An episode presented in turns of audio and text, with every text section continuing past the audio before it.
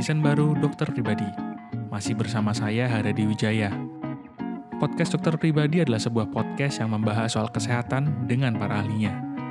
Di sini para profesional medis akan menjawab semua pertanyaan seputar kesehatan kita. Season ini akan dipenuhi dengan lebih banyak topik menarik, fakta kesehatan, dan obrolan yang santai namun berisi. Jadi silakan duduk dan selamat menikmati. Karena setiap minggunya kami akan datang buat topik baru di mana Anda bisa belajar untuk hidup lebih sehat.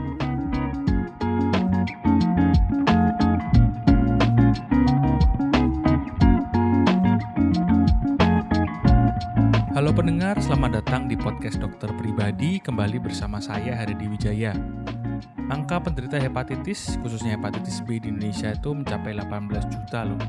Bahkan sebuah, sebuah angka yang cukup mencengangkan sebenarnya. Nah, kita pengen lebih tahu nih untuk penyakit hepatitis yang mungkin kita kebanyakan kenal sebagai penyakit kuning ya. Di sesi kali ini saya sudah ditemani oleh Dr. Willy Antoni, spesialis penyakit dalam dari RSUD Balikpapan untuk mengupas lebih dalam mengenai hepatitis. Halo, selamat malam Dr. Willy. Uh, selamat malam para pendengar semuanya. Uh, saya Dr. Willy Antoni, spesialis penyakit dalam. Saat ini saya bertugas di RSUD Beriman Balikpapan. Oke, nah gini dok, kita tuh pengen bahas soal hepatitis dok, karena apa ya? Saya ketika tahu angka penderitanya tuh, oh banyak ya ternyata ya di Indonesia ya, gitu kan cukup cukup hmm. kaget juga sih. Nah kita tuh pengen tahu orang tuh awam, awam kayak saya tahunya kalau hepatitis itu sakit kuning dok.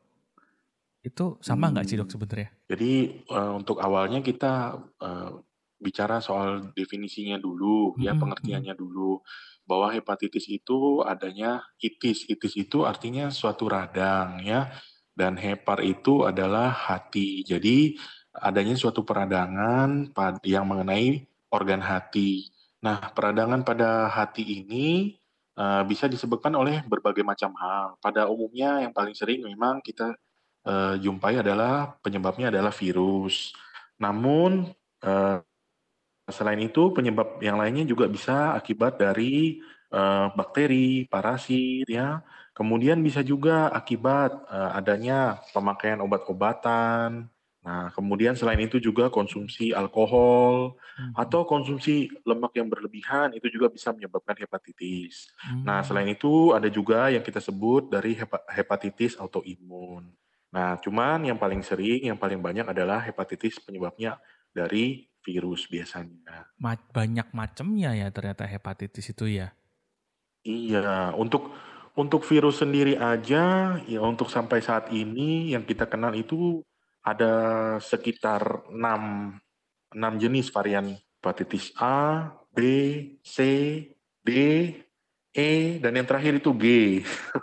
Kayak oh. abjad. oh, oke oke oke oke. Bedanya apa, Dok? A, A B C D E apa G tadi tuh? Nah, kalau yang eh, hepatitis A itu ya seperti dilabelin huruf A gitu ya. Jadi penyebabnya itu virus hepatitis A.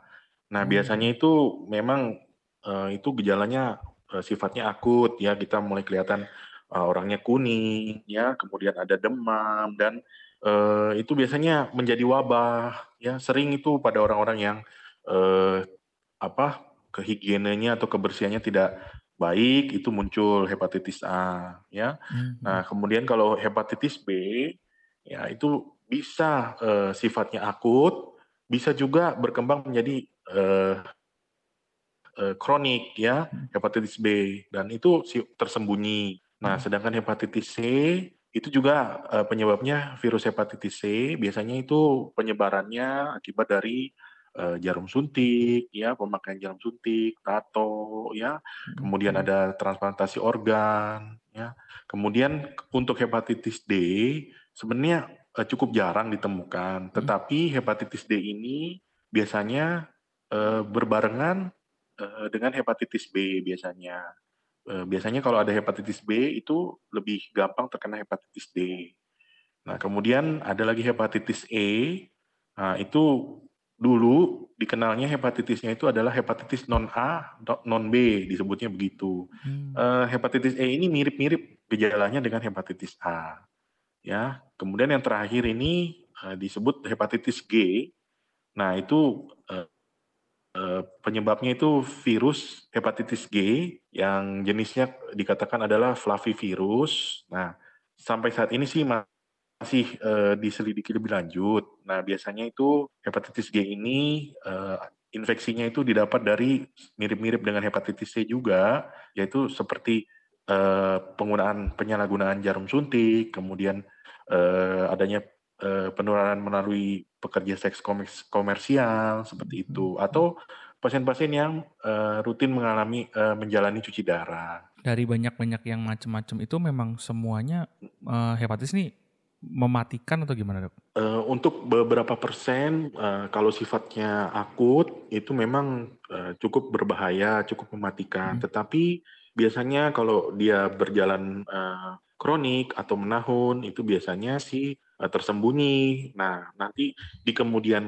hari pada saat 20 atau 30 tahun ke depan uh, dia berkembang menjadi suatu uh, kanker hati atau uh, karsinoma hepatoseluler. Nah, pada saat itu ya cukup mematikan juga pada akhirnya gitu. Kalau orang sakit hepatitis, sakit liver kan gitu, mm -hmm. uh, orang awam tuh kan mengkonotasinya dengan sakit kuning ya, karena penderitanya kok bisa jadi kuning gitu kulitnya. Itu kenapa sih dok? Ya, jadi kan uh, kita tahu dari fungsi hati itu uh, memang banyak uh, fungsinya dalam tubuh salah satunya itu metabolisme juga ya. Hmm, hmm. Ada produksi empedu, kemudian ada namanya eh, pengeluaran dari bilirubin ya diatur melalui hati hmm. ya eh, produksinya, metabolismenya itu dari hati. Nah, saat terjadinya radang pada hati atau hepatitis tadi itu ya. Nah, bisa terjadi gangguan dari ekskresi atau pengeluaran dan produksi dari bilirubin tadi akibat adanya peradangan, adanya inflamasi tadi.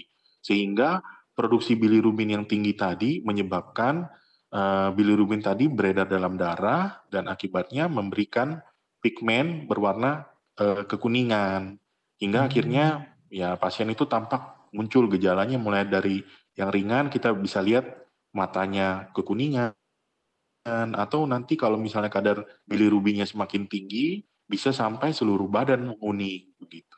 Nah, pertanyaan jadi gini dok, hepatitis itu apakah semuanya menular dari sekian banyak itu? Uh, hepatitis kalau seandainya uh, memang penyebabnya dari virus, otomatis uh, biasanya menular ya.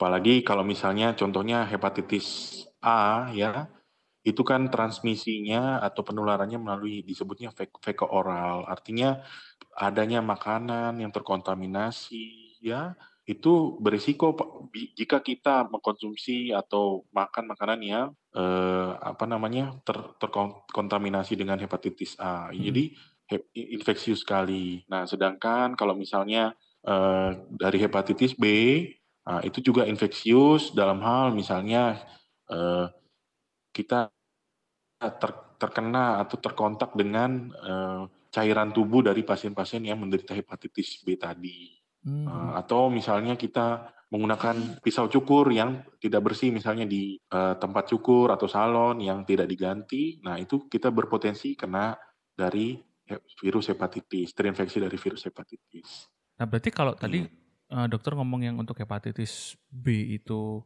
melalui cairan tubuh, kalau hubungan seksual gitu bisa menular juga berarti dok?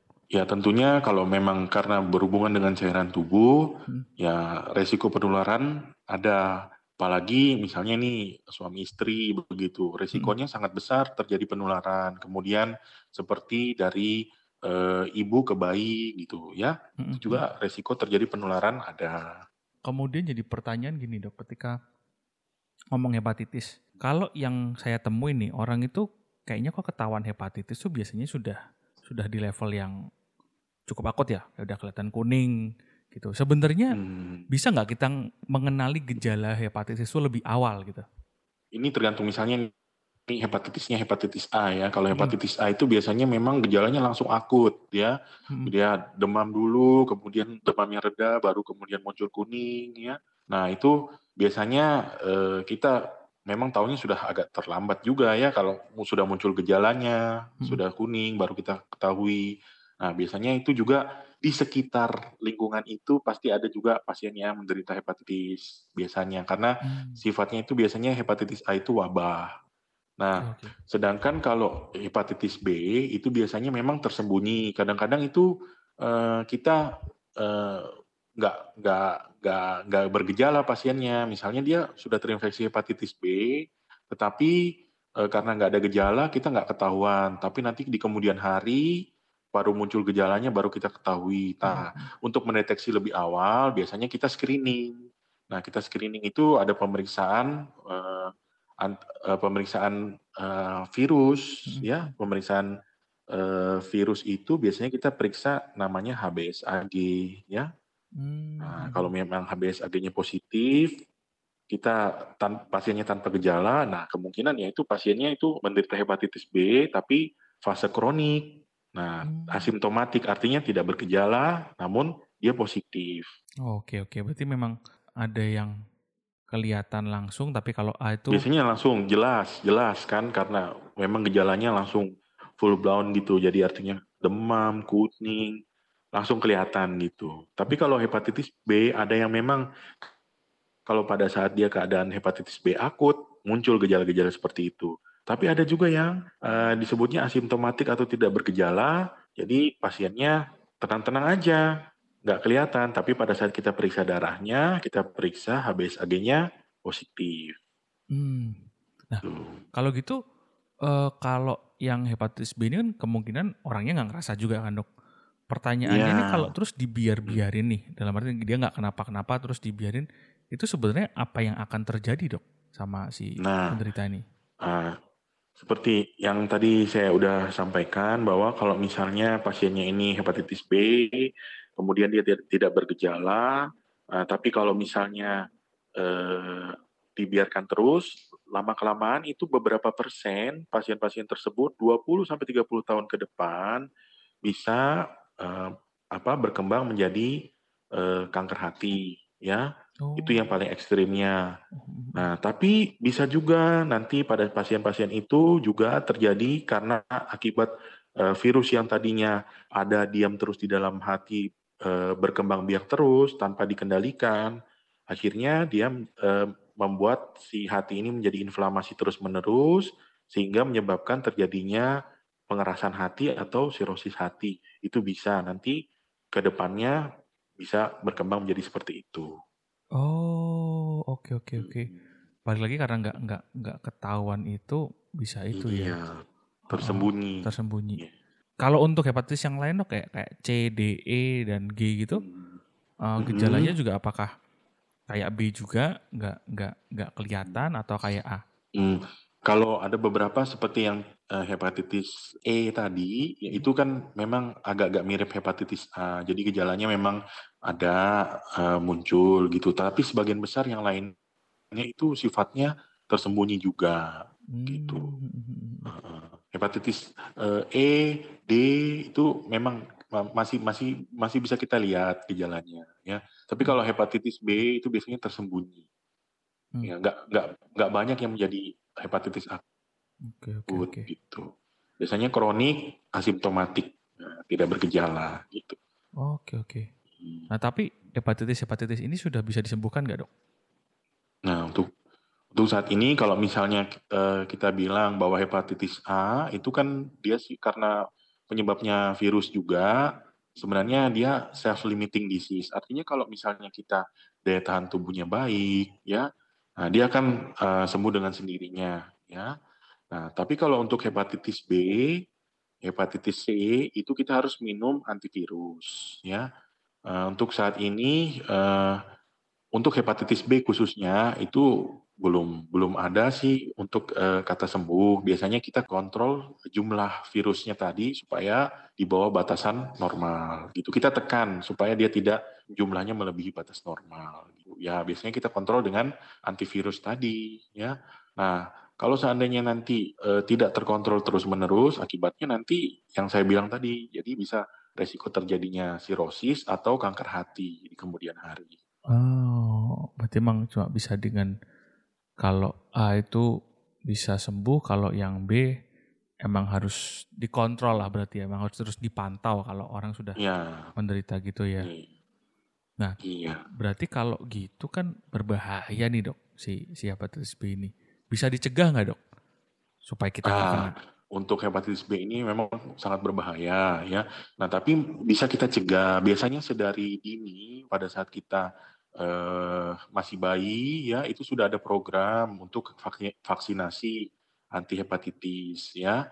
Nah, biasanya itu sudah kalau misalnya anak-anak eh, sekarang itu biasanya sudah terproteksi karena sudah sudah mulai ada program vaksinasi ya, apalagi vaksinasi yang eh, pada saat masih kecil. Nah, namun kalau seandainya tidak jelas data vaksinasi kita, nah kita bisa eh, untuk pencegahannya kita lakukan vaksinasi, tapi terlebih dulu kita harus periksa dulu apakah memang kita sebelumnya sudah terinfeksi hepatitis B tadi, yaitu dengan pemeriksaan HBsAg.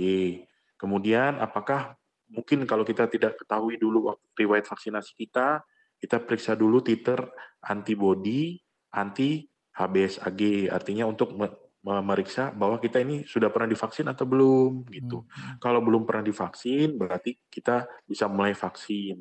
Kalau untuk vaksin ini emang eh, apa sudah yang sudah ada untuk A dan B aja berarti dok? Iya, biasanya itu yang divaksinasi untuk eh, hepatitis A ada, tapi yang lebih ini kita proteksi lagi adalah yang hepatitis B biasanya. Hmm, oke oke oke.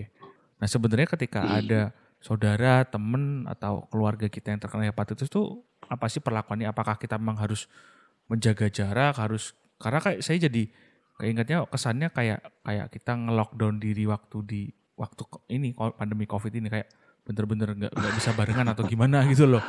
Harusnya gimana sih dok? Iya, sebenarnya sih yang penting asal kita jaga pola hidup kita yang eh, bersih dan sehat ya.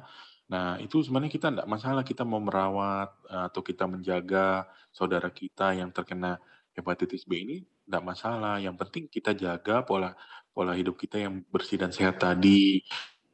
Hmm, Misalnya kita kalau bisa memang tidak tidak menyentuh langsung eh, cairan-cairan tubuh dari eh, pasien kita tersebut, eh, pasien tersebut, saudara kita tersebut. Yang penting kalau kita jaga eh, kebersihan, ya, jaga higienenya itu sebenarnya nggak masalah. Justru dengan adanya kita sebagai eh, teman, saudara gitu, itu juga memberikan semangat pada pasien-pasien yang menderita hepatitis tadi. Jangan justru malah kita kucilkan. Mm, mm, mm, mm. Kalau tadi kita sempat bahas transmisi melalui hubungan seksual kan lah. Kalau kayak suami istri yang Hmm. misalnya seorang istri yang tahu oh suaminya kena hepatitis nih, apakah dia berarti nggak boleh berhubungan seksual dengan suaminya gitu? Oh. Nah, kalau untuk yang begitu, eh, tentunya kan sekarang itu metode kontrasepsi kan banyak ya. Hmm, Nah, untuk menghindari terpaparnya cairan tubuh, ya walaupun tidak 100% ya, itu kita bisa pakai ya biasanya yang laki-laki sih yang lebih mudah menggunakan ya, Hmm, misalnya menggunakan kondom gitu, supaya eh, cairan tubuhnya itu tidak eh, kontak langsung dengan pasangannya gitu. Masih bisa lah ya, udah zaman sekarang Masih bisa. teknologi masih ada, bisa ada gitu kan, nggak nggak nggak Iya. perlu itu. Nah kemudian jadi gini dok, kalau kita lihat tadi kan penyebabnya bisa dari macam-macam, dari terutama dari infeksi virus tadi kan dan juga dari dari pola hidup itu. Nah ada nggak nih tips buat kita kita nih, nggak ada yang pengen kena kan dok, akhirnya nggak ada yang pengen kena hepatitis, Mm. supaya kita kita ini tidak terkena hepatitis, walaupun walaupun kita sudah diwaks, divaksin lah ya kudunya kan dulu waktu kecil, tapi gimana caranya supaya kita terhindar nih dok? Intinya itu kita jaga eh, pola hidup kita ya. Yang penting dari kebersihan diri kita sendiri ya. Kemudian dari lingkungan kita juga, terutama untuk eh, makanan dan minuman dan ya perilaku kita sendiri yaitu perilaku hidup bersih dan sehat. Nah, dengan adanya itu biasanya sih eh, moga-moga sih kita terhindar ya dan eh, terjauh dari infeksi virus hepatitis. Selain itu yang paling penting adalah vaksinasi tadi ya. Kalau seandainya kita belum ada eh, antinya, belum ada anti HBS-nya khususnya untuk hepatitis B ya kita vaksinasi. Ataupun kalau kita sudah vaksinasi ya kita eh, apa pemeriksaan titernya. Jika memang masih kurang kita lakukan perawatan begitu. Hmm. Nah, kita juga ya uh, rajin-rajin uh, check up juga, misalnya karena ini kan tersembunyi ya kita memang harus uh, rutin check up juga gitu, pemeriksaan misalnya enam bulan sekali atau satu tahun sekali kita cek gitu. Moga-moga sih ya terhindar gitu. Nah mungkin ada nggak dok yang mau disampaikan ke pendengar kita yang saya belum sempat tanyain nih kira-kira? Nah, kalau seandainya ada yang pasien yang sudah menderita hepatitis B gitu ya. Nah, harus berobat, harus uh, misalnya kita harus kontrol rutin, harus diperiksa, harus uh, minum obat teratur kalau seandainya memang perlu minum obat antivirusnya. Karena apa? Nanti kalau kita biarkan biarkan terus walaupun memang tidak bergejala, nanti risiko terjadinya pengerasan hati di kemudian hari atau terjadinya kanker hati nah, itu besar. Jadi jangan sampai nanti datang-datang, perutnya sudah membesar, matanya hmm. kuning, hmm. kemudian bisa sampai terjadi muntah darah hmm. gitu, ya. Atau nanti datang-datang perutnya sudah berbenjol-benjol gitu, ya. Hmm. Uh, jadi jangan sampai kejadian seperti itu. Jadi kalau memang sudah uh, memang hepatitis B dan memang disarankan untuk berobat, sebaiknya berobatnya berkesinambungan untuk mencegah terjadinya uh, sirosis tadi atau kanker hati tadi. Oke, mungkin kira-kira begitu Dokter Willy. Sekali lagi terima oh, kasih ya. banyak untuk uh -uh. waktunya dan sharingnya nih buat kita semua. iya. Oke, sekali lagi thank you Dokter Willy buat waktunya. Okay. Ya. Uh, terima kasih okay. banyak. Terima kasih untuk sudah mendengarkan sesi ini. Jika Anda menyukai podcast ini, silakan follow di Spotify ataupun Apple Podcast. Dan jangan lupa follow akun sosial media kami untuk info-info kesehatan yang kami share setiap harinya. Untuk Instagram kami ada di @dokter.pribadi.official dan untuk Twitter kami ada di @dokterpodcast. Sampai bertemu di sesi-sesi selanjutnya.